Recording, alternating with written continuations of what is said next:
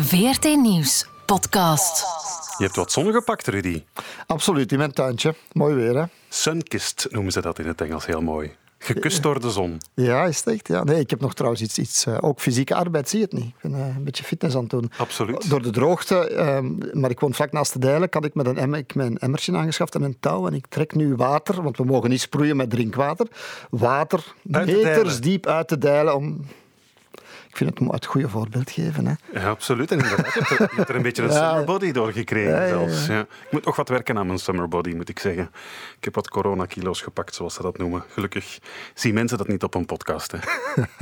Zullen we er eens aan beginnen? Ja, absoluut. Franks en Bilo. Met Rudy Franks en Vincent Bilo. Welkom op onze maandelijkse afspraak met de wereldgeschiedenis. Ja, dat klinkt best ambitieus en misschien een tikje aanmatigend.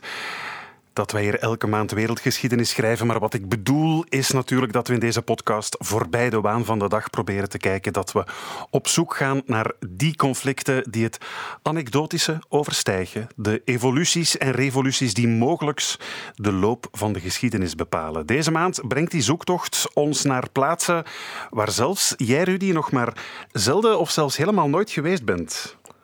Jawel, jawel. De Filipijnen ben ik eenmaal geweest, ja. Ah, ja. Ik kan niet zeggen dat het een eh onthoudenswaardig bezoek geweest is, want het was een ministerreis. En dan zie je ook niet zoveel natuurlijk, hè. een paar dagen. Het enige wat ik me herinner is dat er een, een avondclub was waar we naartoe gebracht werden, genaamd De Hobbit. En daar werd je bediend door heel kleine mensen. ik, ik begrijp ook niet goed waarom men dat zo georganiseerd had, maar goed, ja. Oké. Dat is het enige wat ik jammer genoeg van de Filipijnen onthouden heb. Op die anekdote over Rudy op de Filipijnen gaan we zo meteen doorgaan. Ehm, ik eh, hoop ook, beste Rudy, dat je je sjaaltje hebt eh, meegebracht. Je iconische sjaaltje. Voor de kou, bedoel je dan toch? Ja, want ik neem jou straks mee naar de Noordpool. Ik heb eh, zelf alvast een thermische onderbroek aangetrokken, want we moeten naar de Noordpool, omdat dat eh, wel eens het, het conflictgebied van de toekomst zou kunnen worden. Het is het territorium waar de grootmachten van deze aarde de komende jaren een oorlog gaan uitvechten om nieuwe handelsroutes en om de laatste onontgonnen grondstoffen op deze planeet. En dat heeft alles te maken met de opwarming van de aarde. Van de Noordpool zeilen we ook helemaal de Atlantische Oceaan over richting de Caribische Zee. Want voor de kust van Venezuela heeft zich afgelopen maand een hilarisch incident afgespeeld. De strijd om de macht van president Maduro van Venezuela heeft daar een eh, dolkomische wending genomen, mogen we toch wel zeggen. Ik ben het filmscenario al aan het schrijven. Ja, het is Voor echt een een, komische film. Met Jean-Claude Van Damme. Ja, voilà. Een schetsvertoning die tegelijk tragisch en ook wel heel grappig is. Die amusante tussenstop in Venezuela, dat is voor straks. Want eerst trekken we naar Zuidoost-Azië. Je zei het al, Rudy. Naar het land van zon, zee, strand en sekstoerisme. Vergeef me trouwens die eh, grove stereotypering, beste luisteraar. Maar het is toch een beetje hoe wij vanuit het Westen naar de Filipijnen kijken. Hè? Een exotische eilandenarchipel waarvan geweten is, ik heb dat opgezocht, dat 40% van de mannelijke toeristen er enkel op zoek is naar seks of een goedkope bruid. Ik denk voornamelijk aan Imelda Marcos en haar schoenenpassie. Ja, absoluut. Als ik Ja. met de vriendin naar de schoenwinkel ga, dan... Ik verwijt altijd, het is nou goed geweest, Imelda. maar nee, ja, met de, op, ik, ik herinner me toch van vroeger de, de strijd tegen, tegen Marcos en de Aquino en, en eigenlijk het democratisch proces dat eigenlijk in de Filipijnen dan toch decennia geleden in gang was gezet en wat, wat een voorbeeld was voor ons. Ja, voor mij is het echt een beetje een blinde vlek, moet ik toegeven, de Filipijnen. Eh, Google leert me dat de Filipijnen uit meer dan 7600 eilanden bestaan. Het telt 106 miljoen inwoners. Het is het derde grootste katholieke land ter wereld na Brazilië en Mexico. En voorts weet ik dat de Filipijnen sinds vier jaar met harde hand eh, geregeerd worden door Rodrigo Duterte, een excentrieke, wat rare snuiter, eh, die met eh, een, eh, een grote mond en een zware greep en nogal dictatoriale trekjes over de Filipijnen regeert. En het is over die Duterte dat we het deze maand eens willen hebben, hè, want hij grijpt de coronacrisis aan om zijn macht in het land aanzienlijk te verstevigen, zo blijkt. Hij wil namelijk de noodtoestand uitroepen. Duterte die beschouwt de coronapandemie als een buitenlandse invasie, zo zou je het kunnen bekijken. En dus vindt hij het om daarvoor de noodtoestand uit te roepen. Een toestand die hem eh, persoonlijk veel macht geeft en de mogelijkheid om zijn greep op het land dus nog aanzienlijk te verstevigen. Waarom doet Duterte dat? Wat is zijn verborgen agenda en wat betekent dat voor de toekomst van de Filipijnen? Het zijn vragen waarop we een antwoord proberen te vinden samen met Guy Goris, hoofdredacteur van Mo Magazine. Welkom, Guy Goris. Goedemorgen. U kent, uh, ik mag jij zeggen eigenlijk. Laten we, laten we wat familiair doen. Je kent de situatie in de Filipijnen uh, heel erg goed bent er ook al meermaals geweest. Meer dan Rudy in elk geval, ja. ik denk een twaalftal. En op andere plaatsen ook. En op andere plaatsen, voilà. gelukkig. Niet in gekke bars waar uh, hobbits uh, komen bedienen. Nu, die Duterte, uh, laten we het daar eens over hebben. Die heeft eigenlijk al van bij het begin van de lockdown in zijn land een wet uitgevaardigd, blijkbaar die hem extra macht geeft om die lockdownmaatregelen te handhaven. Een wet die, zo lees ik, hem een dertigtal special powers geeft. Special powers, dat klinkt als iets uit een superheldenfilm, maar het is wel degelijk uh, realiteit. Hè? Uh, waaruit bestaan die speciale machten die hij via die wet heeft afgedwongen? Ja, hij heeft, uh, heeft de corona inderdaad aangegrepen om een soort gez gezondheidsnoodtoestand uit te roepen, ehm, wat in grote lijnen neerkomt op een nogal strenge lockdown, waarbij iedereen gedwongen wordt om in zijn huis te blijven of zo weinig mogelijk rond te lopen.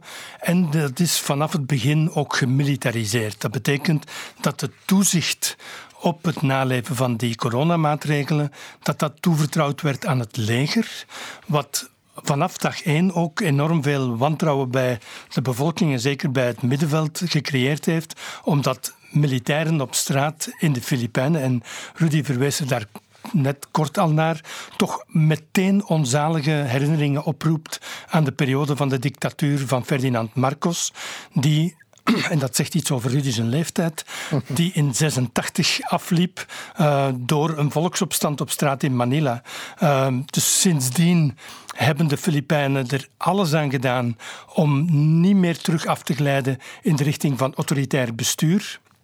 Met de komst van Duterte uh, vier jaar geleden is, dat, uh, is die waakzaamheid duidelijk verdwenen. Ja, ja, ja. En stapsgewijs heeft Duterte trouwens niet voor het eerst nu met de coronacrisis, maar heeft hij verschillende aanleidingen gebruikt om zijn eigen macht en de macht van het leger te versterken, te verankeren ook. En hij doet dat zonder veel tegenwind eigenlijk. En dat, ja. dat, is een van de opvallende zaken. Dat over, hij... over, over het leger gesproken, uh, Guy, op 1 april, uh, je verwees er al naar, gaf Duterte een opgemerkte persconferentie over de genadeloze manier waarop hij zou toezien inderdaad op die naleving van de lockdownmaatregelen. En hij gaf dus uh, politie en leger met zoveel woorden het recht om te schieten op één ieder die tegen de maatregelen protesteert. Laten we eens luisteren. My orders are sa police pati military na pagkaginulo at nagkaroon ng okasyon na lumaban at ang buhay ninyo, shoot them dead. Shoot them dead. Dat spreekt uh, boekdelen. De Verenigde Naties hebben meteen ook daarover uh, alarm geslagen. Hè? Want zoals je zegt, het roept onaangename herinneringen op aan uh, de rol die het leger eerder al heeft gespeeld op de Filipijnen. Ja, het is typisch Duterte. Uh, en, en, zijn samenvatting in het Engels klinkt wat forser dan de iets langere uitleg in het Tagalog, maar het komt op hetzelfde neer. Hij geeft de opdracht aan de ordendiensten om wie niet gehoorzaamt dood te schieten. Net zoals zij vier jaar geleden bij het aantreden de opdracht gaf om alle drugshandelaars uh, om die aan te pakken met militair geweld en dood te schieten. En we weten wat daarvan het gevolg is. De, het optreden tijdens de coronacrisis is slecht gedocumenteerd, omdat de strenge maatregelen het voor media nog moeilijker maken dan daarvoor om echt te berichten over wat er gaande is en wat er op het terrein gebeurt. Van de drugsoorlog weten we dat die meer dan 6000 officieel toegegeven doden heeft opgeleverd op, uh, op vier jaar tijd. En volgens middenveldorganisaties, mensenrechtenorganisaties, gaat dat aantal tussen de 15 en de 25.000 En dat zijn doden, op het konto van de ordediensten die, ja. die war on drugs voeren? Ja, ja dat is, dus de, het leger, of eigenlijk niet het leger, maar in, in het geval van de war on drugs zijn het politiemensen die de opdracht gekregen hebben om drugs met wortel en tak uit te roeien en daarbij niets of niemand te ontzien. En vanaf het begin was heel duidelijk dat dat soort optreden gericht zou zijn niet tegen de cocaïne snuivende elites uh, of kinderen van, van de wat dan heet de blanke elite van, uh, van, van de Filipijnen, maar dat het in de slums zou zijn waar de harde hand zou gehanteerd worden. En dat blijkt ook zo te zijn. De war on drugs is heel duidelijk een war on the poor, een, een oorlog tegen de armen. Uh, en zij hebben geen verweer. Ik ben, vorig jaar ben ik in, in Manila onder andere met een aantal families gaan praten die kinderen of, of een echtgenoot verloren hadden.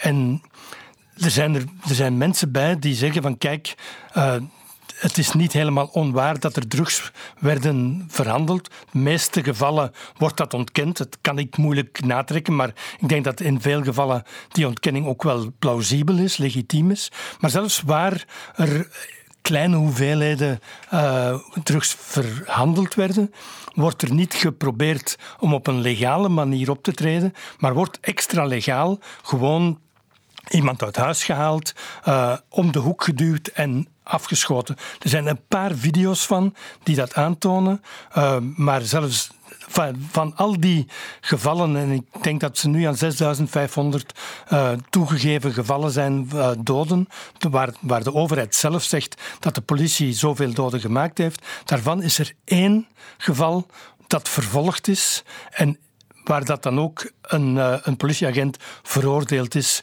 omdat op video vastgelegd was dat een minderjarige uit het huis gehaald werd en gewoon afgemaakt werd. En dat was een, uh, een CCTV, een, een, zo'n een beveiligingscamera, waar de familie meteen de reflex gehad heeft om die beelden op te vragen voordat de politie kon komen om op te leggen om ze te wissen. Ja. Van de meeste andere gevallen hebben we natuurlijk zo'n zo'n filmis of zo'n videobewijs niet. Maar het is duidelijk dat, uh, dat die harde hand neerkomt op de plekken die zich het minst kunnen verdedigen. En dat is ook de vrees voor, uh, voor in de afgelopen twee maanden. en als ik een beetje volg wat mensenrechtenorganisaties zeggen, dan signaleren die toch harder optreden, meer arrestaties en ook toch ook wel een aantal extra doden als gevolg. Heb je al een idee van hoeveel doden er gevallen zijn? Of hoeveel arrestaties op zijn minst? Nu tijdens de coronaperiode? Nee, want ik heb dat vorige week nog aan de mensen van Human Rights Watch gevraagd, die een nieuw uh, rapport uitbrachten. En zij hebben daar geen klare cijfers over. Dus ik, er is een, een Filipijnse mensenrechtenorganisatie die Karapatan heet. Die signaleert een aantal gevallen, maar ook niet uh, opgeteld op dit moment. En zijn ze nog vrij om te werken, die mensenrechtenorganisaties? Journalisten, hoe gaat het daarmee dan? Wel, Mensenrechtenorganisaties staan sowieso onder druk, ook al lang voor de coronacrisis. En idem voor, uh, voor de media. De media zijn eigenlijk heel zwaar onder druk gezet. Um, en we kennen dan verschillende uh, voorbeelden. Uh, Maria Ressa is een beetje het voorbeeld bij uitstek, omdat zij met Rappler, een uh, online medium dat, dat gestart is in 2012, ehm, eigenlijk een, een, rol, een belangrijke rol gespeeld heeft om Duterte te laten verkiezen. Niet omdat zij hem gepusht hebben, maar omdat hij wist dat de Filipijnse jongeren jongere generaties, laten we zeggen, tot 30 jaar, dat die heel veel op sociale media zitten, heel veel online zijn. En dus hij, heeft, hij was de enige presidentskandidaat die daarop ingespeeld heeft. Dat heeft hem mee groot gemaakt. Maar daarna zijn, is Rappler onder andere gaan onderzoeken uh, vanaf dag één wat die war on drugs werkelijk betekende. Ze zijn de wijken ingegaan, ze hebben de getuigenissen verzameld enzovoort. En ze hebben uh, dossiers gemaakt online over straffeloosheid enzovoort. En dat heeft ertoe geleid dat Duterte zich volkomen in Trump-style zich tegen Rappler en, uh, en Maria Ressa gericht heeft. En hij heeft dan uh, op een bepaald moment grote uh, samenzweringscomplottheorieën uitgelegd als een soort, hij noemt dat de Matrix, uh, waar dan Maria Ressa een beetje centraal de spin in het web zit om de soevereiniteit van de, van de Filipijnen te ondermijnen en hem af te zetten enzovoort. Dus wie kritiek heeft als fake news?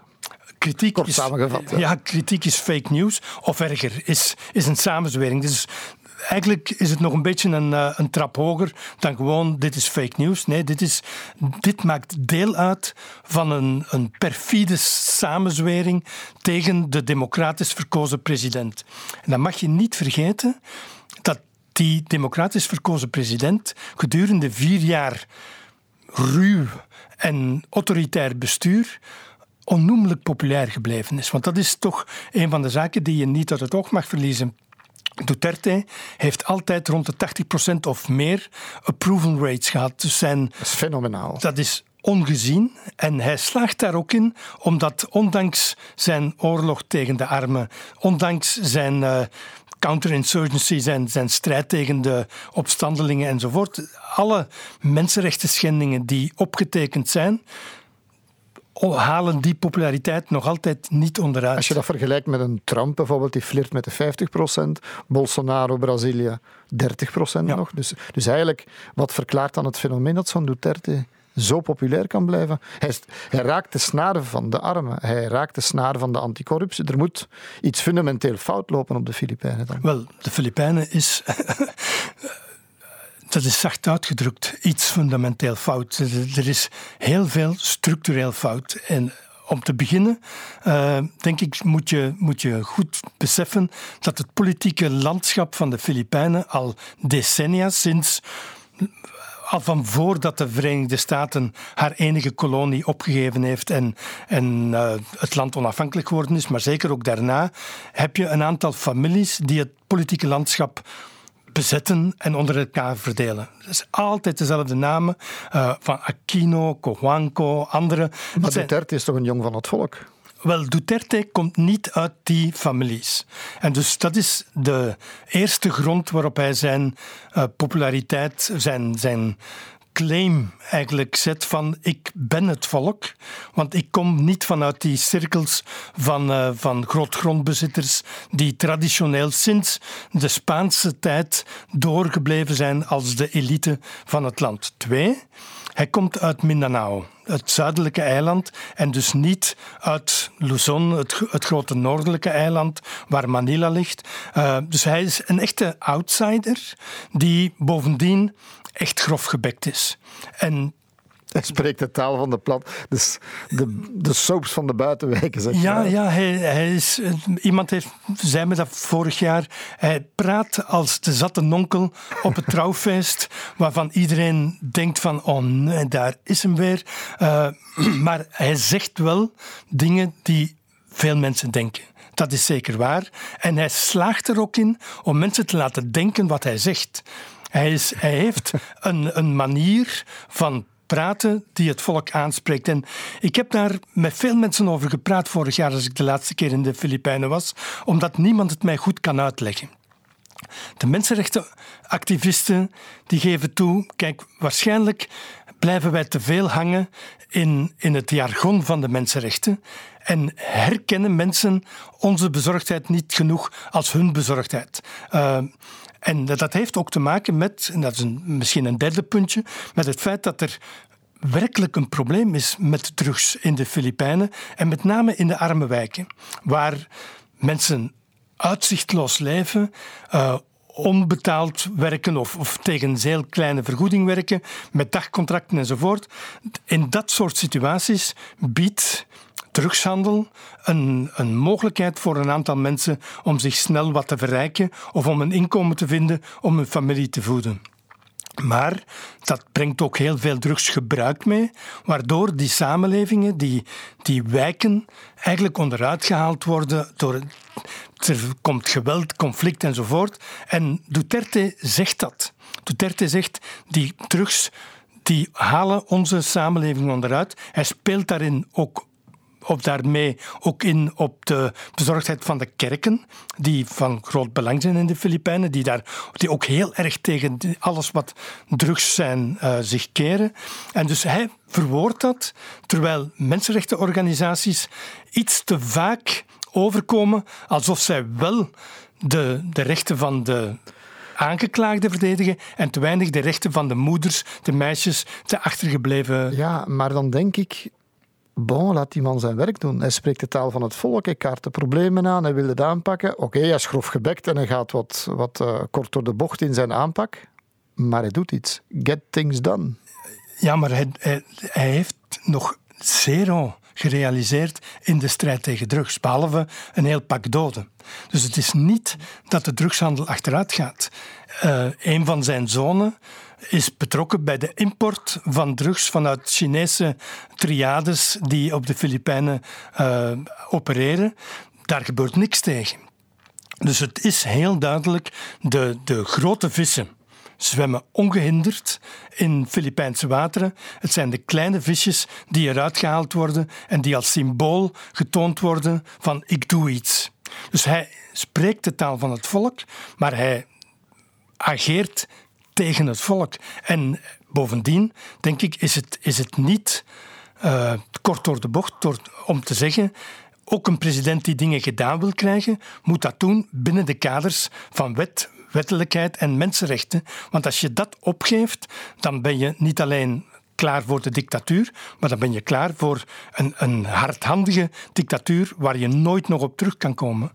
Is er dan geen rem daarop van buitenaf? Ik begrijp dat er een procedure bij het internationaal strafhof in in Den Haag was gestart.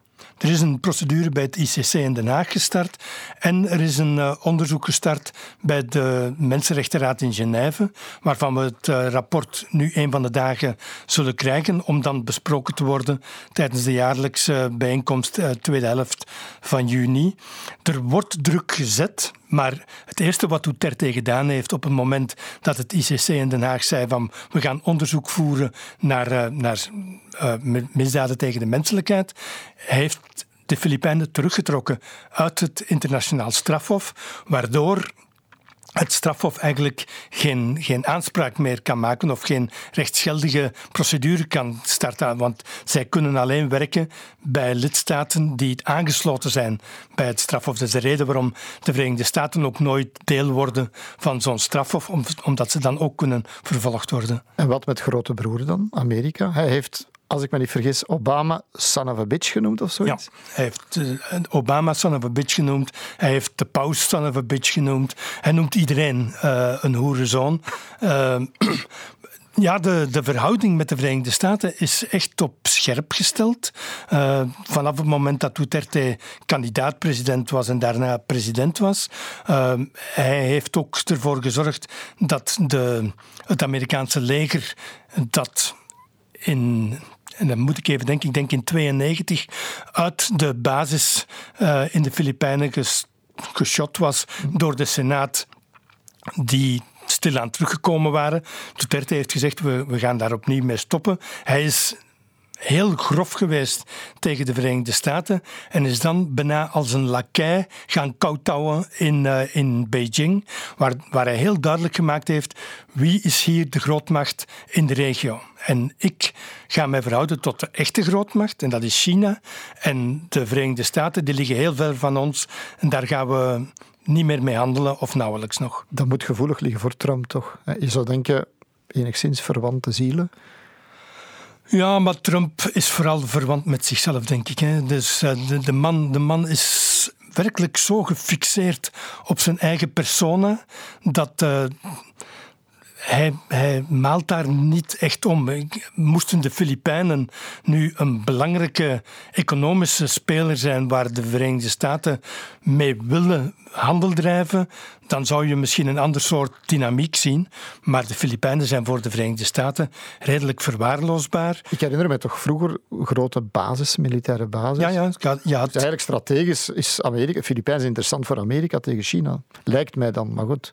Ja, je hebt, eh, je hebt een, van, je kan daar alle soorten tekeningen van maken. Je hebt zo'n, een, een, niet de Ring of Fire, want dat, is, uh, dat, dat zijn de aardbevingsgebieden. Maar je hebt zo'n een, een ring gelegd rond China van allemaal Amerikaanse basissen.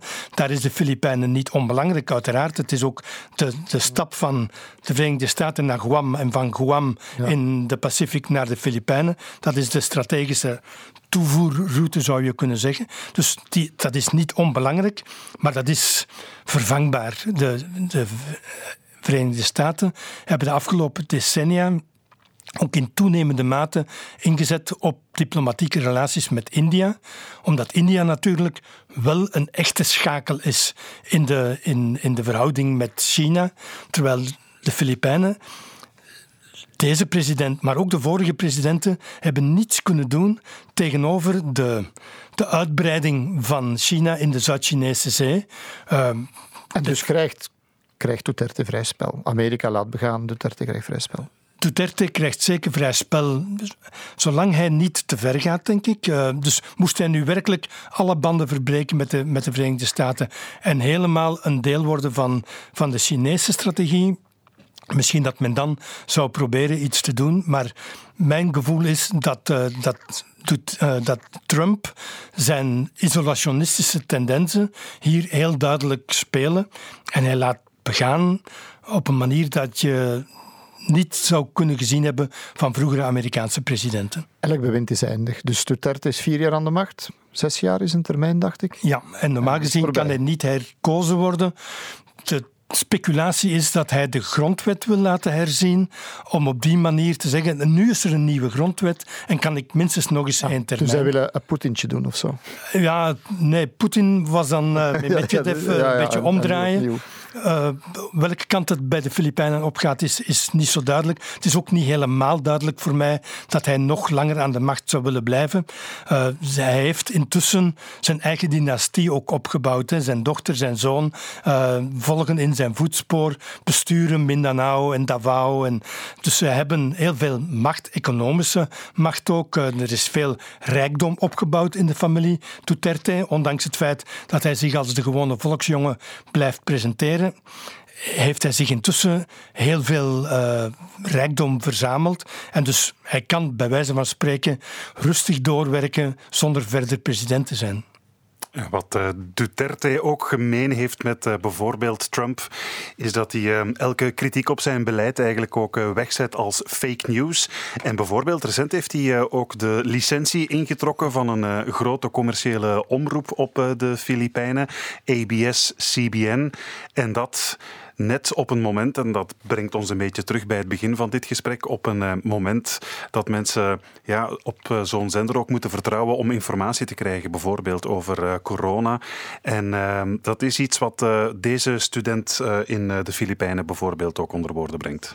It's very messy here in the Philippines right now with how the government is handling the coronavirus situation because in the middle of this chaos they chose to like focus on shutting down ABS CBN, this broadcasting station, and yeah, and that meant just cutting off means for people to acquire information, to get news and entertainment as well, because a lot of people are just at home. And, you know, to me personally, I feel that what's going on here is that they're just trying to stop people from speaking up.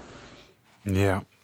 Elke kritiek in de kiem smoren, tot en met dus gewoon een, eh, een grote commerciële speler uh, in, op de Filipijnen. Want die zegt, we kunnen het een beetje vergelijken met de Filipijnse VTM eigenlijk, die zender. Gewoon het zwijgen opleggen. Heel simpel.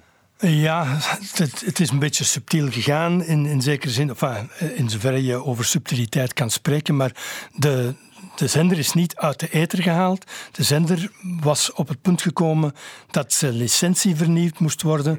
en, dat proces is zo uitgerokken en stilgelegd en dan negatief geadviseerd enzovoort, zodanig dat de licentie niet verlengd werd en dus de zender geen legale basis meer had om in de eter te blijven. Maar het is inderdaad opvallend uh, dat niet alleen een een, een uitgesproken medium als Rappler uh, te maken krijgt met de woede van de president. Maar ook wat uh, Maria Ressa uh, in een interview dat ik met haar had twee maanden geleden, de sterrenzender van, van de Filipijnen noemt. En zij had op dat moment, dacht zij dat het nog wel goed zou komen, omdat niet alleen de populariteit van die zender zo groot is, maar ook een aantal mensen in, uh, in de Kamer van Volksvertegenwoordigers zijn eigenlijk mensen die een verleden hebben bij de zender, die daar groot geworden zijn. Er is heel veel, bij ons zou je zeggen, heel veel BV's in, uh, in de politiek in de Filipijnen. Heel veel mensen die bekend geworden zijn als zangeres of als uh, filmactrice of, of, acteur, die dan daarna in de politiek stappen. Um, en, en dus er was een soort um, loyaliteitskwestie van die mensen waar zij getrokken werden tussen aan de ene kant de zender waar zij groot geworden zijn en aan de andere kant de president die hen, groot, die hen politiek gemaakt heeft. Echt.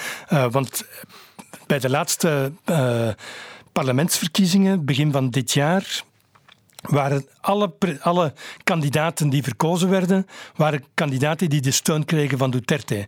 En alle kandidaten die zijn steun niet hadden, ook al kregen ze zelfs de expliciete steun van de katholieke kerk, werden niet verkozen. Dus de, de politieke macht van Duterte is enorm. dat merk je daar heel goed aan. Uh, en, en dat blijkt dan ook uit wat er dan in, in het parlement gebeurt. Er is geen of onvoldoende verzet aangetekend tegen deze gang van zaken. Op dit moment is er een, een hoorzitting bezig in het parlement over die licentie van ABS-CBN. Ik schat nog altijd dat die licentie uiteindelijk wel in orde zal komen, maar dat, dat het een heel duidelijk afschrikkingsmanoeuvre is, waarin duidelijk wordt zelfs een zender die niet echt uitgesproken politiek is, kan aangepakt worden. Laat staan kranten als The Inquirer of uh, sites als Rappler, die veel meer uitgesproken mm oppositie voeren tegen de president, die mogen dan echt voor hun bestaan verrijzen. Ja, ja, het doet een beetje denken aan de aanval die uh, Trump nu uitvoert op uh, de, de Twitters van deze wereld. nu ze zijn eigen tweets factchecken. Stel je dat voor, zeg dat ze fake news proberen uit de lucht te halen. Maar in heel deze context, om dan misschien even af te ronden en af te sluiten, Rudy, Duterte op de Filipijnen is uh, ja, duidelijk ook niet de enige wereldleider die. Um, ja, de coronacrisis aangrijpt om zich te, te profileren. Hè. Trump uh, heeft het uh, gedaan. We hebben het al gezegd, uh, Bolsonaro, hoe hij in Brazilië dat, ja, die hele crisis eigenlijk minimaliseert, bijna ontkent. Dat is, dat is waanzinnig eigenlijk. Hè. Maar wat ik ook het merkwaardige vind van een aantal van die populistische leiders, hè, is dat zij hun eigen beleid bekritiseren, bij manier van spreken. Of, of, in conflict gaan met de eigen lokale autoriteiten. Trump die, die gaat tegen zijn, niet alleen tegen Twitter maar tegen de gouverneurs in, tegen staten die lockdown doen.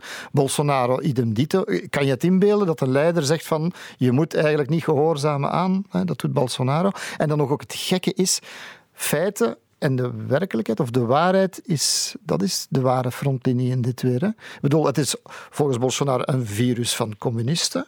Hè. Volgens Trump was het iets van Chinezen. En, dan en vervolgens van de democraten was het ook geweest. En zo gaat het maar verder. Bij in Europa met Orbán hebben we toch ook wel een, een mini-populistje eigenlijk, die dan de oorlog tegen de migratie verklaart. En ik bedoel, je wordt, alles wordt op een hoopje gegooid.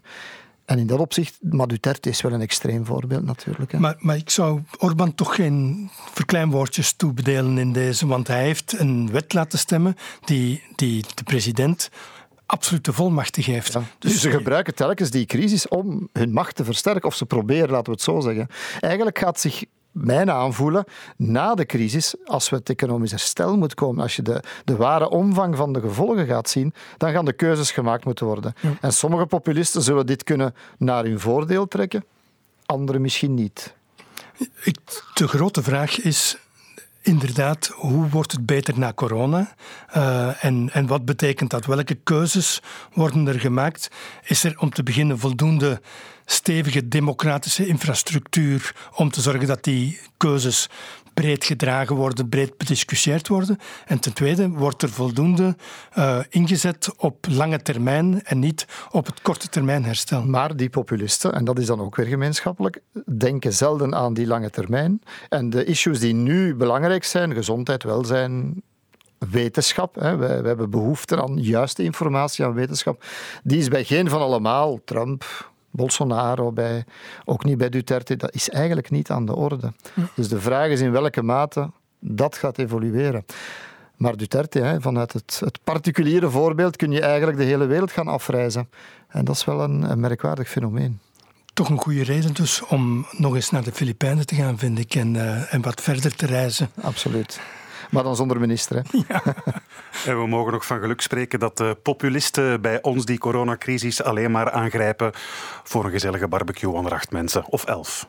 Ja, ja, ja, maar dan toch ook wel om, om mensen van uh, obesitas te beledigen op het. En aan bodyshaming te doen, inderdaad. Ja.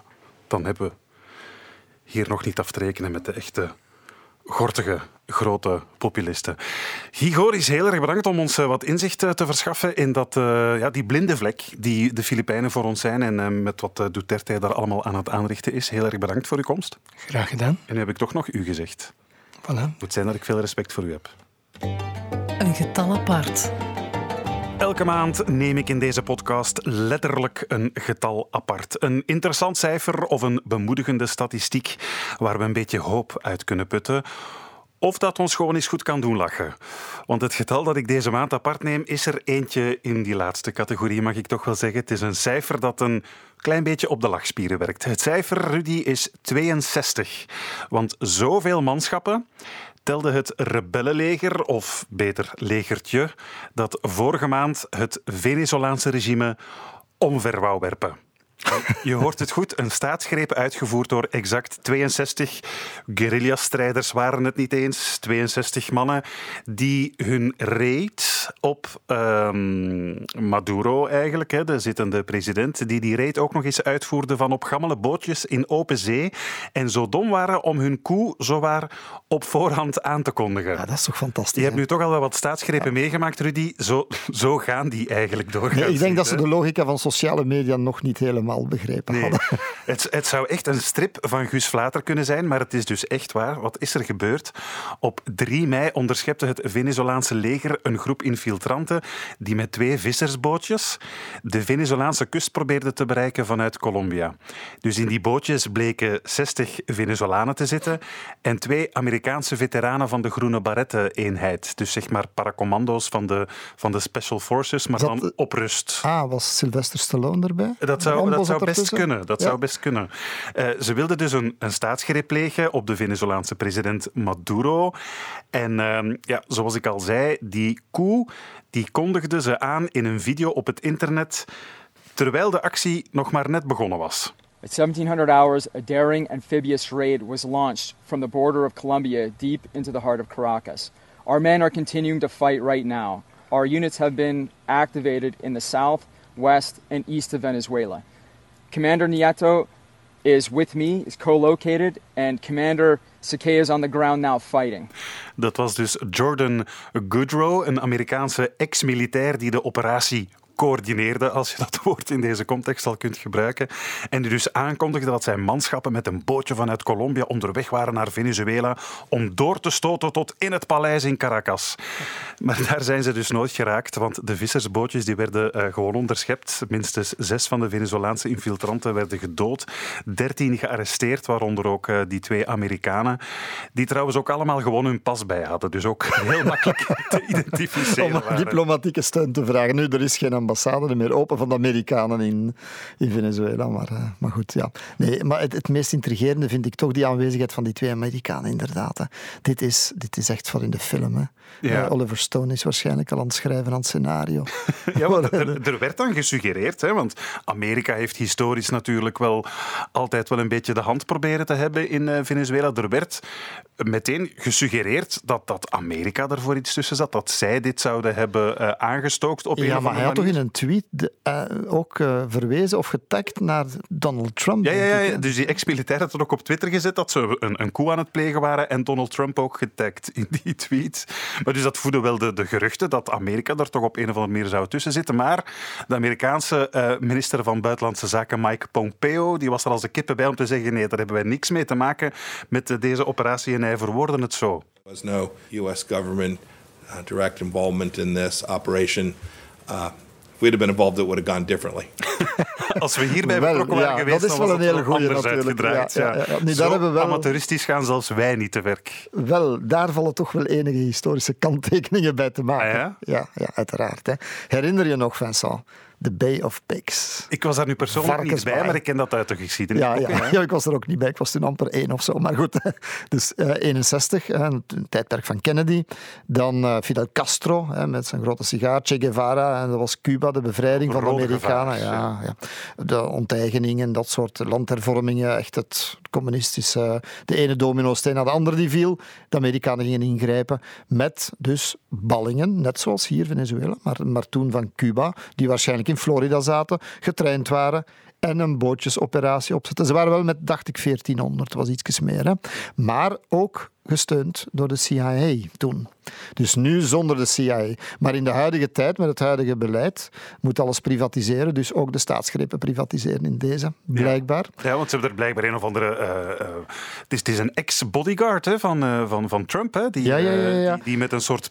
zijn, zijn eigen beveiligingsbedrijf. dit Silver dan heeft opgezet. of. Maar dat moet je niet onderschatten. We kunnen daarmee lachen met die beveiligingsbedrijven, maar die, die beveiligingsbedrijven spelen niet alleen Silver Corps, maar anderen vooral, spelen een grote rol in de wereldpolitiek momenteel. Zowel de Russen hebben er honderden, zo niet duizenden mensen die bij Wagner, een heel beruchte organisatie die in Libië aan het front in Tripoli zitten bij, bijvoorbeeld, of de Amerikanen er in Irak bij een oorlog, die spelen een grote rol. Dus die, ik, maar ik denk dat die Silver Corps een, een heel kleine speler, een kleine vis was, die graag heel snel een grote vis wou worden.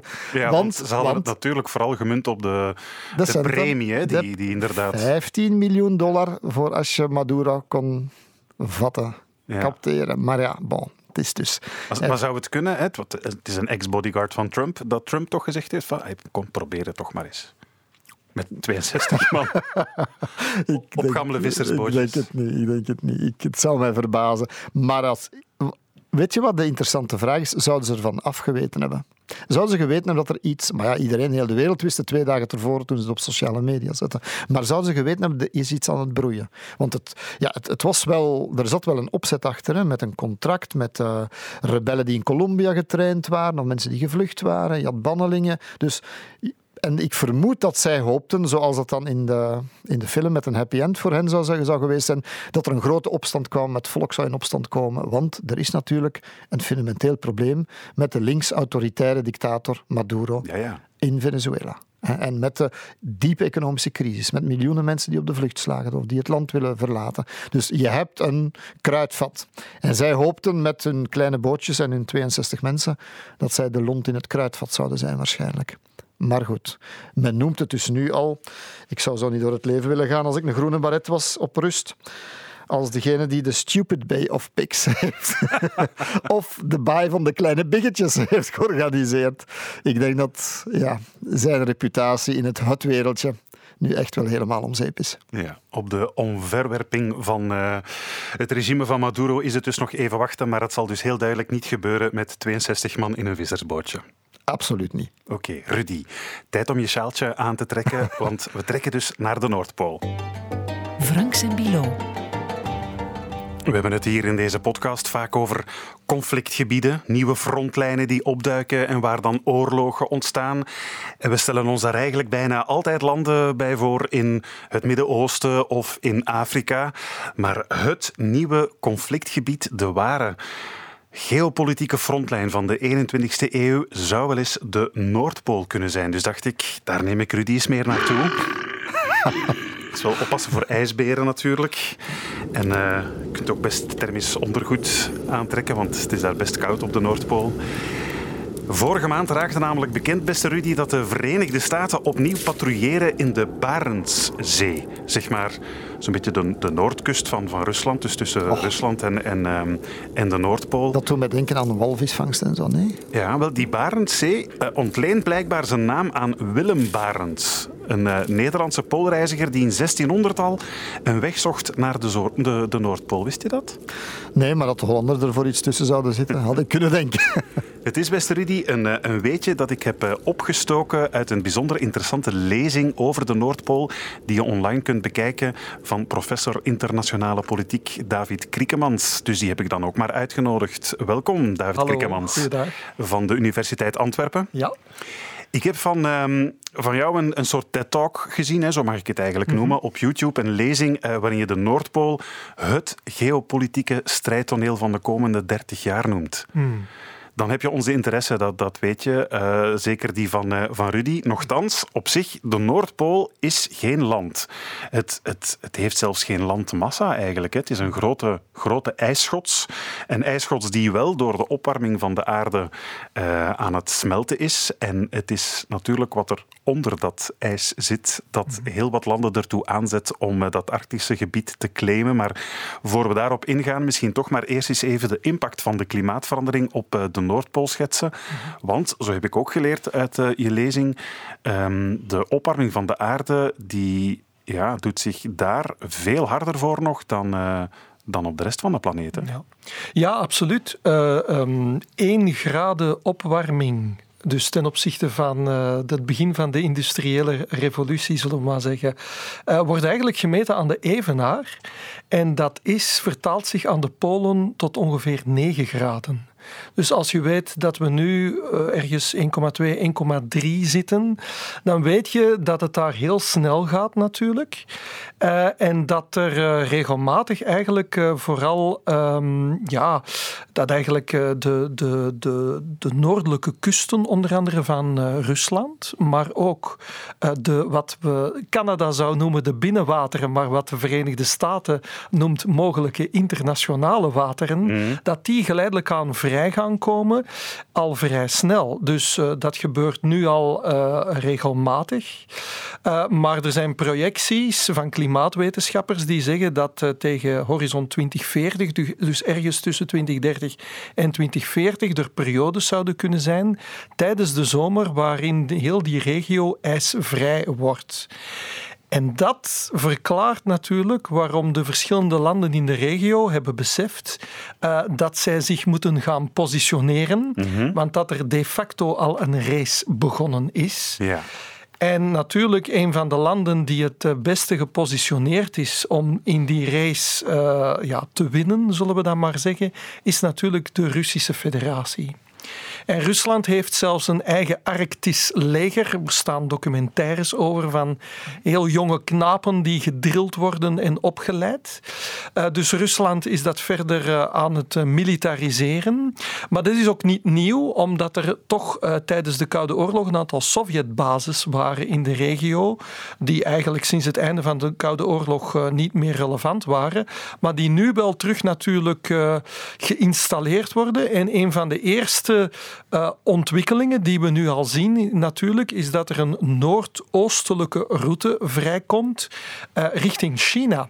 En dat hebben ook de Chinezen begrepen. Mm. En uh, grote maatschappijen zoals Costco, containermaatschappijen, Aha.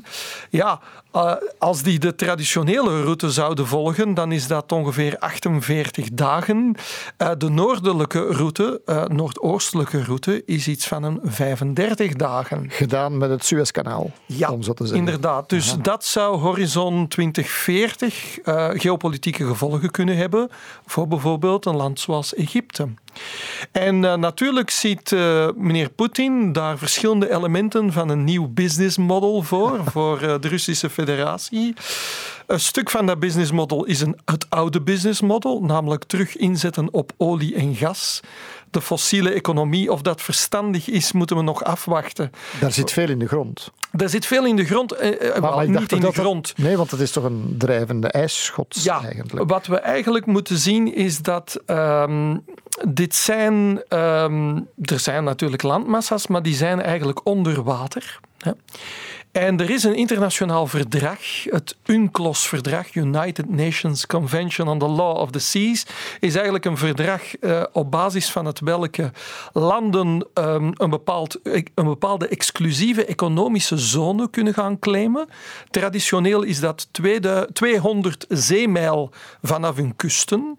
Maar als u kan bewijzen dat er daar ergens onder water een landmassa is, een gebergte of zo, hè, dat geconnecteerd is aan het Russische moederland, hè, dan kan u meer claimen tot 650 uh, zeemijl.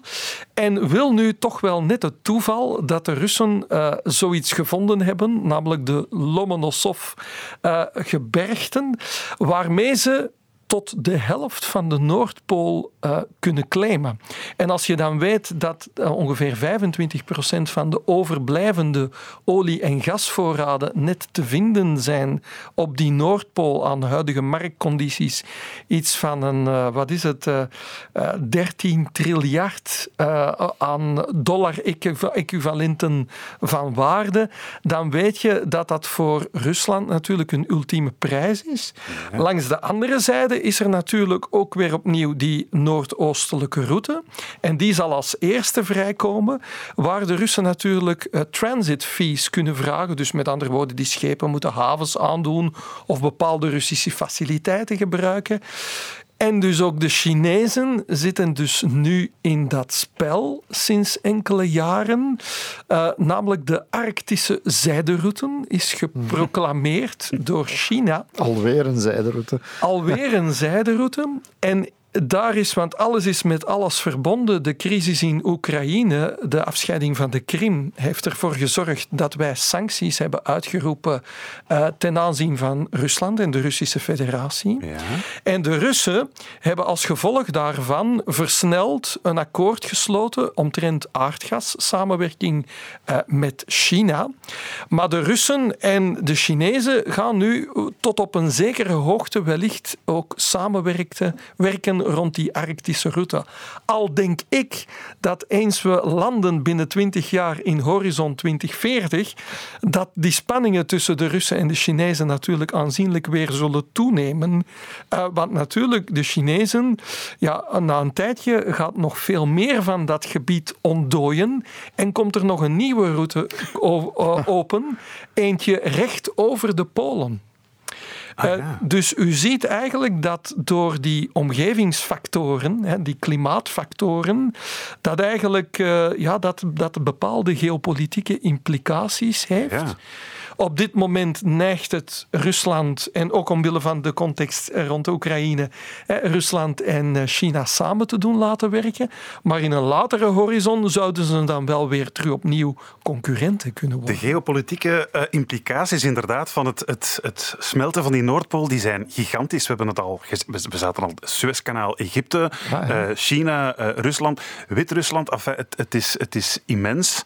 Um, en inderdaad, vooral de Russen zijn er als de, de kippen bij om te zeggen van ja, maar dat gebied is eigenlijk van ons. Hè. Je zei het net, door, door aan te tonen dat, dat hun moederland aansluit op de, de gebergten daar onder zee met de Noordpool. En ze zijn inderdaad uh, de, de, de regio aan het militariseren. Hè. Ze zijn daar basis uh, opnieuw aan het opzetten. Um, we horen daarover aan het woord. Dixie Dansercourt kennen we natuurlijk als een grote poolreiziger. Is al een aantal keren de Noordpool overgestoken. En ook hij zegt dat die zogenaamd wetenschappelijke basissen er niet alleen maar staan om aan wetenschap te doen. Ja, het is natuurlijk een verschrikkelijk huzarenstuk om zo'n drijvende basis te midden van de dynamiek van de Arctische Oceaan neer te planten. En dat zijn alleen de Russen die dat kunnen en dat doen ze al jaren. Nu, um, ze hebben daarvoor één maand maximum en dat wordt alsmaar korter. Vroeger was dat een maand en een aantal weken, nu is dat ongeveer, laten we zeggen, 26 dagen dat uh, wij operationeel zijn op Barneo, dat is de naam van die basis, en die drijft er maar op los. Daar komen heel wat nationaliteiten naartoe, maar het is een initiatief van de Russen en daar hebben ze zogezegd ook een wetenschappelijke basis. Daar zal wel wat aan wetenschap worden gedaan, dacht ik. Maar het dient deels natuurlijk om een beetje te claimen en dat moeten we erbij nemen. Ja, je hoorde hem bijna de aanhalingstekens erbij uh, tonen toen hij uh, sprak over wetenschappelijke basis daar. Goed, is duidelijk dat er een soort strijd is losgebarsten om dat Arctische gebied. je vermeldde al Rusland, wat er natuurlijk aan grenst. Uh, in tweede instantie ook China. Maar ze zijn niet de enigen die claimen dat ze mm -hmm. daar uh, die territoria zouden kunnen opeisen. Hè? Ja, er is natuurlijk ook nog uh, Denemarken, dat misschien slechts een klein stukje vastgoed is in Europa, maar het beheert wel een zeer groot stukje vastgoed en dat is namelijk Groenland. Ja. En Groenland zelf is ook uh, versneld aan het ontdooien. Daar spreken we dan eigenlijk over landijs, hè, dat dan eigenlijk in zee drijft. En het is vooral het westelijke deel van Groenland dat erg aan het ontdooien is. en daar zijn er dan allerlei andere mineralen die beschikbaar komen. Lood, uranium, en daar verschijnen weer opnieuw de Chinezen in het toneel, op het toneel. Um, goud um, ook al, is ook al aanwezig. En bepaalde zeldzame metalen, onder andere, die onder andere voor smartphones ja. kunnen gebruikt worden. Maar China, dacht ik, de grootste voorraden tot nu toe wereldwijd van beheert. Ja, ja. Inderdaad, dus dat zou een alternatief daarop kunnen zijn. En hier komen de Verenigde Staten in het spel, natuurlijk. Ja. Want de Verenigde Staten, we zitten in een, uh, een, een periode van energietransitie. Dat wil zeggen dat wij ook onze afhankelijkheden van het Midden-Oosten uh, rond olie uh, onder andere, maar eventueel, we gaan dat inwisselen voor een stuk voor gas in het Midden-Oosten. Maar we gaan richting hernieuwbare energie. Uh, maar dan zullen we die zeldzame metalen onder andere en allerlei grondstoffen heel hard nodig hebben. En op dit moment heeft, heeft China eigenlijk van de operationele mijnen ongeveer 90% van die markten. Ja. Er zijn ook alternatieven, uh, Bolivie, uh, Chili, dat hangt dan echt af van welke specifieke... Dat is voor lithium en zo van die dingen. Dat is voor lithium, hm. onder andere, inderdaad. Uh, maar nu zijn er, um, dat is dan eerder in het oosten van Groenland, zijn er ook een aantal deposits gevonden daaromtrent.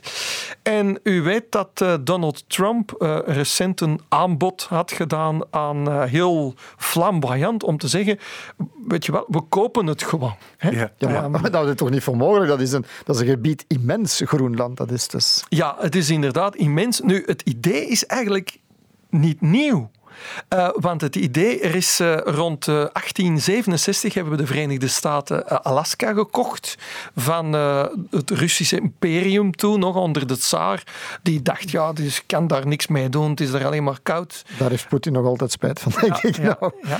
ja. Um, en, um, maar toen was er ook een beweging om eventueel Groenland te kopen, maar dat is dan gestopt, hè, omwille van de foreign entanglements. Men wilde niet zich nog verder verder uh, uitbreiden. En, want de, de, de, buitenwereld was ook gevaarlijk. Dus er was een tegenbeweging na de, na de koop op Alaska.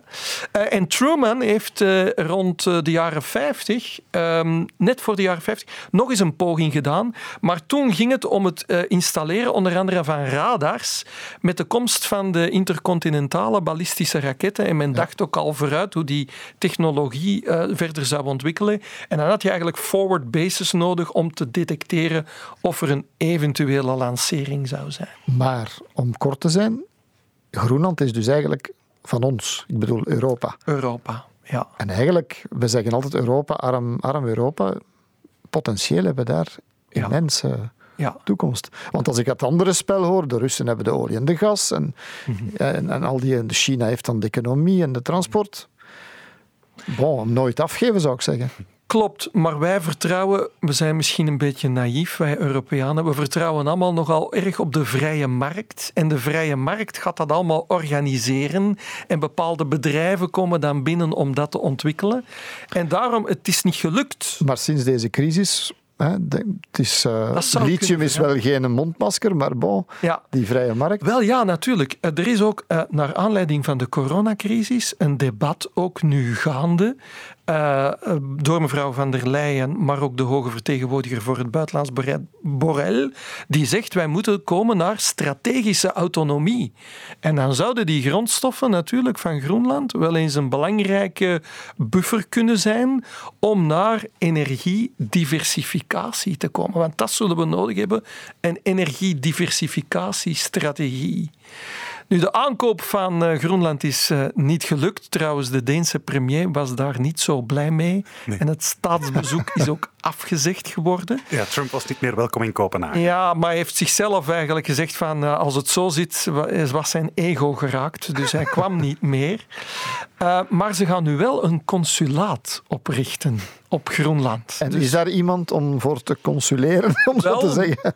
Men kan, men kan uh, Amerikaanse, het Amerikaanse bedrijfsleven in de regio een beetje stimuleren, bijvoorbeeld. Hè? of een bod doen op bepaalde concessies. Of, dus je voelt dat die krachten die beginnen zich geleidelijk aan te ontwikkelen in deze. Ja. Dat is interessant. Uh, David Krikkemans, je uh, besluit je TED-talk, als ik het zo mag uh, noemen, over de Noordpool met zes mogelijke scenario's die het mhm. Vredesinstituut, geloof ik, heeft uitgeschreven voor waar het met de Noordpool naartoe zou kunnen gaan.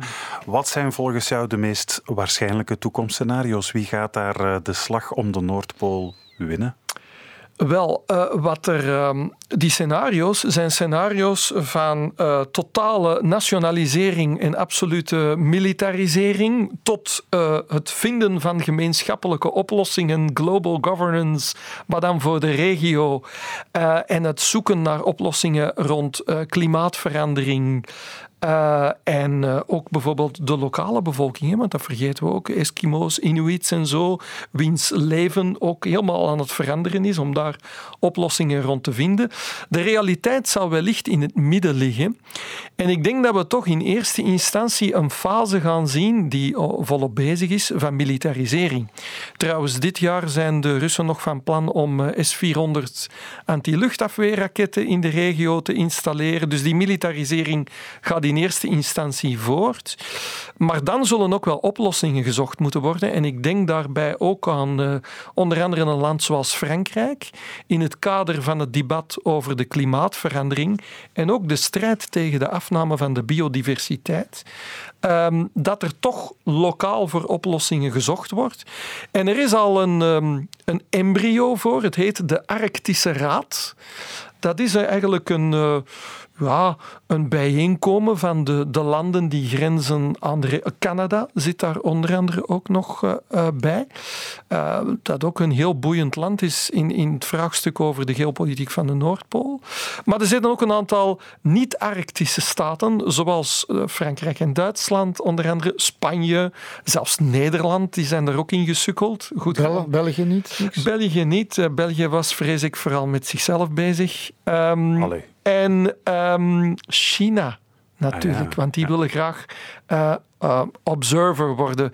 En je zal dus zien dat er, we gaan een soort van mix krijgen.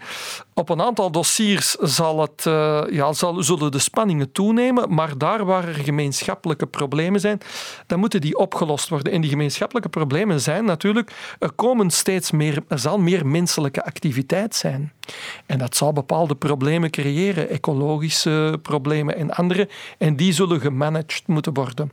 En daar denk ik dat de Arctische Raad een rol gaat spelen. Mag ik nu eens heel erg out of the box denken? Als, is dat nu een voorafname over wat we in de ruimte gaan zien? De Amerikanen willen nu met een commerciële vlucht een zeggen, om daar te blijven, zeggen ze. Mm Gaan ze dus ook in de ruimte hetzelfde, ja, ja. dezelfde militarisering zien als dat is fase 1 meestal. Hè. Meestal uh, ja, militariseer je, ja, er komen spanningen en uh, je probeert vooral de je situatie op het terrein ja. te... Ja, over vlagplanting, dat had ik nog vergeten te vertellen. In 2007 hebben de Russen een titaniumvlag op, de, op de bodem van de uh, Noordpool, van de Noordpool geplaatst om te zeggen het is Russisch. Het is van ons. Dus dat is fase 1 meestal. Dan krijg je spanningen en dan na een tijdje zoekt men naar een nieuw kader, als het ware. Hè. Rond die militarisering van de ruimte zie je nu ook dat Frankrijk bijvoorbeeld uh, wenst te volgen. Dus um, inderdaad, um, het zijn zo de laatste frontiers op onze planeet. En daar zie je uh, zo'n evolutie. Mag ik daaraan toevoegen, Vincent? Je had het niet gedacht, maar ik heb iets in dit strategisch debat in te brengen. Ah, nu ik ben, een van de drie Belgen die een meteoor, een grote klomp steen in de ruimte heeft, namelijk. Die jouw naam heeft gekregen? Ja, absoluut. Nee. Ja, ja jawel, jawel. En redelijk groot, hè. pas op. Ik weet niet wat er allemaal in de bodem zit, maar bij deze, de biedingen mogen beginnen eigenlijk. Ja, echt waar. Oké, okay. ja, maar je blijft... Armand Pien is de andere. Hij was de eerste en ik heb er eentje en dan nog, nog, nog iemand. Allee. Dat is bij deze dan ook nog eens even gezegd. Heel erg bedankt, bedankt uh, David Kirkemans, professor internationaal recht, om ons uh, wat, uh, ja, wat te komen vertellen over de Noordpool en dat dat daar dus allemaal gaat gebeuren. Dat is slecht nieuws voor jou eigenlijk, hè, Rudy, als daar de nieuwe frontlijn terechtkomt. oh man, man, man. Ik kan niet tegen de kou, Vincent, dat weet je. Miljard. Maar toch, nee, ik vind het echt fascinerend. Ja. Dringend is... Groenland, kan je daar makkelijk naartoe reizen? dat is te doen. Er zijn vluchten, ja. ja, ja. Een vakantiebestemming, is het al? Het is nog geen vakantiebestemming. Uh, Reizen Waas heeft het gedaan. U moet uh, hem misschien eens contacteren. Ja, wat met, met Dansercour de, de pool overtrekken, daar begin ik niet meer aan. Anders ken ik nog wel een paar Venezolanen met een vissersbootje dat je misschien kunt lenen. It's a deal.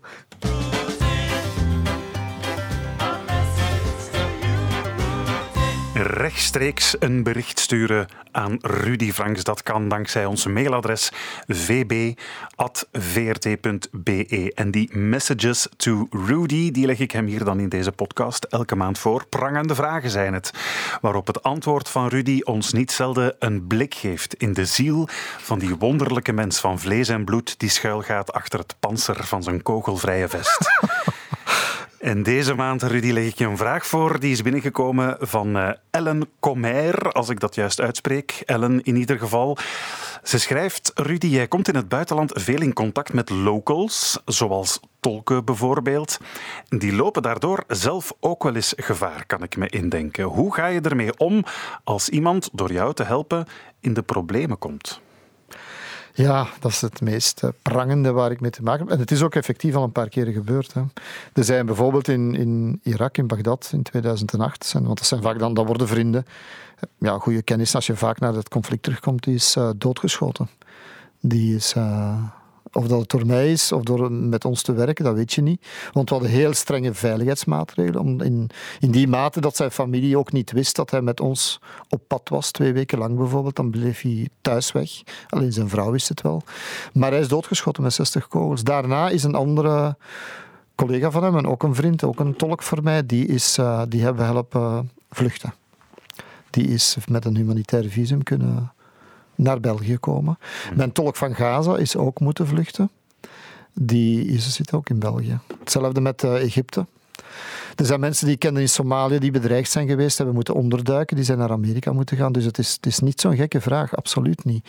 En ik vind dat het meest... Uh, ja, hetgeen dat ons met onze neus op onze eigen verantwoordelijkheid drukt, van hoe ga je met de veiligheid van die mensen om? Praat je goed met hen door dat ze, dat ze risico lopen, maar voor hen is dat ja, zij weten dat en zij, ze, ze werken ook vaak met andere zenders of zo. Ik merk wel dat uh, niet iedereen ter wereld daar zich op die manier bij betrokken voelt. Dat is echt gewoon een businesscontract en gedaan. Ik vind dat bijna niet kunnen. Ik vind dat zit zo moeilijk. Zo weet ik dat mijn tolk uit Egypte, die werkte voor een grote Arabische zender ook. En die, de, de de veiligheidsdiensten, zijn daar um, achter hem aangegaan. Voornamelijk omwille van het werk met die grote Arabische zender dat hij speelde, dat hij deed. Maar ze hebben hem niet geholpen. Ze hebben hem gewoon laten vallen. Zo gebeurt dat vaak. Amai. Ja, ja, ja, ja. Dus het is een dus, beetje... Ja, dus, geen luchtig onderwerp, hè. Nee, maar, nee, nee, maar, dus maar het, veel, veel, zenders of veel collega's zien dat ook maar gewoon als, als, uh, als utilitair eigenlijk. Ja, maar bijvoorbeeld BBC en zo, die zorgen er ook wel voor. En met, ik bedoel niet alleen die grote Arabische zender, maar ook... Um, de autoriteiten. Heel veel tolken werken ook voor, werkten ook voor de Amerikanen of de Britten of in Irak, zeg maar. Op een bepaald moment vertrekken die, de troepen gaan weg en honderden, zo niet duizenden mensen blijven achter en zijn soms wel een prooi voor uh, extremistische bewegingen dan. Er zijn heel veel tolken in, in Irak die vermoord zijn. Daarom. Dus je, zit, je moet daar echt wel heel nauwgezet mee omspringen, goede afspraken maken. Ze weten wat ze doen, waarom ze het doen ja, financieel. Het moet, het moet, ook een moeilijke afweging zijn, want ik neem aan dat veel tolken of fixers dat die staan te springen om te kunnen samenwerken met buitenlandse journalisten, omdat ze er ja, geld mee kunnen verdienen, wat, wat waarschijnlijk in, in, in heel veel landen sowieso al heel, heel moeilijk is. Maar ergens moet je jezelf dan toch ook de bedenking maken van is het voor hen wel slim of doordacht om dit te doen? Vandaar dat je dat moet goed doorpraten. Ja. En sommige van hen zijn er echt professionals in en die doen dat ook voor anderen, hè, voor BBC of zo. Maar uh, ja, ja, zijn er zich ook van bewust. Maar sommigen heb ik nu gemerkt, bijvoorbeeld de laatste reizen die we gemaakt hebben naar Afghanistan en en, en Irak en zo, die hadden ook een pied een tweede paspoort intussen gekregen in Turkije. Velen konden dat makkelijk kopen blijkbaar in Turkije, om daar, als je geld hebt, om daar een soort van dubbele, een dubbele paspoort te hebben, waar ze naartoe kunnen als het moet, waar ze soms hun familie naartoe gestuurd hebben al. Voor hen is dat dan net zoals voor ons een opdracht die ze gaan doen in hun hmm. eigen land. Dus zij zoeken zelf ook naar, naar oplossingen en antwoorden. Maar het is niet alleen om het geld dat ze doen hoor. Er zijn er toch wel een aantal mensen, een boel mensen die, waar ik mee werk, die het echt uit een soort van gedrevenheid ook doen. Om het verhaal verteld te krijgen. Om het verhaal verteld te krijgen over hun, hun eigen land en, en wat, wat zich daar afspeelt. Ik vind dat mooi. Maar het is echt maar het is een, een kwestie die we nooit, nooit uit het oog mogen verliezen. En ik zou er nog één ding graag aan toevoegen. Als je de statistieken bekijkt van mensen die gestorven zijn, van uh, de, de journalisten die gedood worden wereldwijd elk jaar, die mensen zijn er vaak niet tussen. Terwijl zij ook in wezen journalistiek werk doen. Eigenlijk is die lijst van mensen die gedood worden in conflicten veel langer als je die mensen, die tolken en zo er ook zou opzetten. Die mogen we niet vergeten de anonieme helden van de oorlogsverslaggeving. Absoluut. Voilà, bij deze is de hulde gemaakt. Rudy Franks, dankjewel. En dan brengt ons alweer bij het einde van deze, ik moet zeggen zoals het is, bijzonder interessante podcast alweer. Verrassend, vind ik. Ja, absoluut. Als je meer wil weten over onze podcast, onze maandelijkse podcast, kom zeker ook eens langs in onze Facebookgroep Franks en Bilo. Je kan er je mening geven over eh, deze podcast, meepraten over de actualiteit en natuurlijk ook altijd onderwerpen aandragen die we dan eens kunnen behandelen in onze podcast. Vind je onze show, nu ja, show, uh, onze interessante uitzending goed? Geef ons dan een review in je podcast-app. Dat helpt andere luisteraars om ook Franks en Bilo te ontdekken. Ja, Opmerkingen en verbeteringen zijn altijd welkom, net als de messages to Rudy op ons mailadres vb.vrt.be. Dan moeten we alleen nog de mensen bedanken hè, die ons geholpen hebben, ons geheugen. Ja, Gigoris bijvoorbeeld, uh, om ons bij te praten over de situatie op de Filipijnen en professor David Kriekemans over de Noordpool. En de research, Goran Verluiten, Lubna Galgali en Robin Verrezen onmis, onmiskenbaar de moeite. Eindredactie was in handen van Vincent Merks. En de presentatie, dat waren wij. Hè. Franks en... Bilo. Tot volgende maand. Ciao. Dit was een podcast van vrtnieuws.be. Meer op de podcastpagina van vrtnieuws.be of via de podcast-app op je smartphone.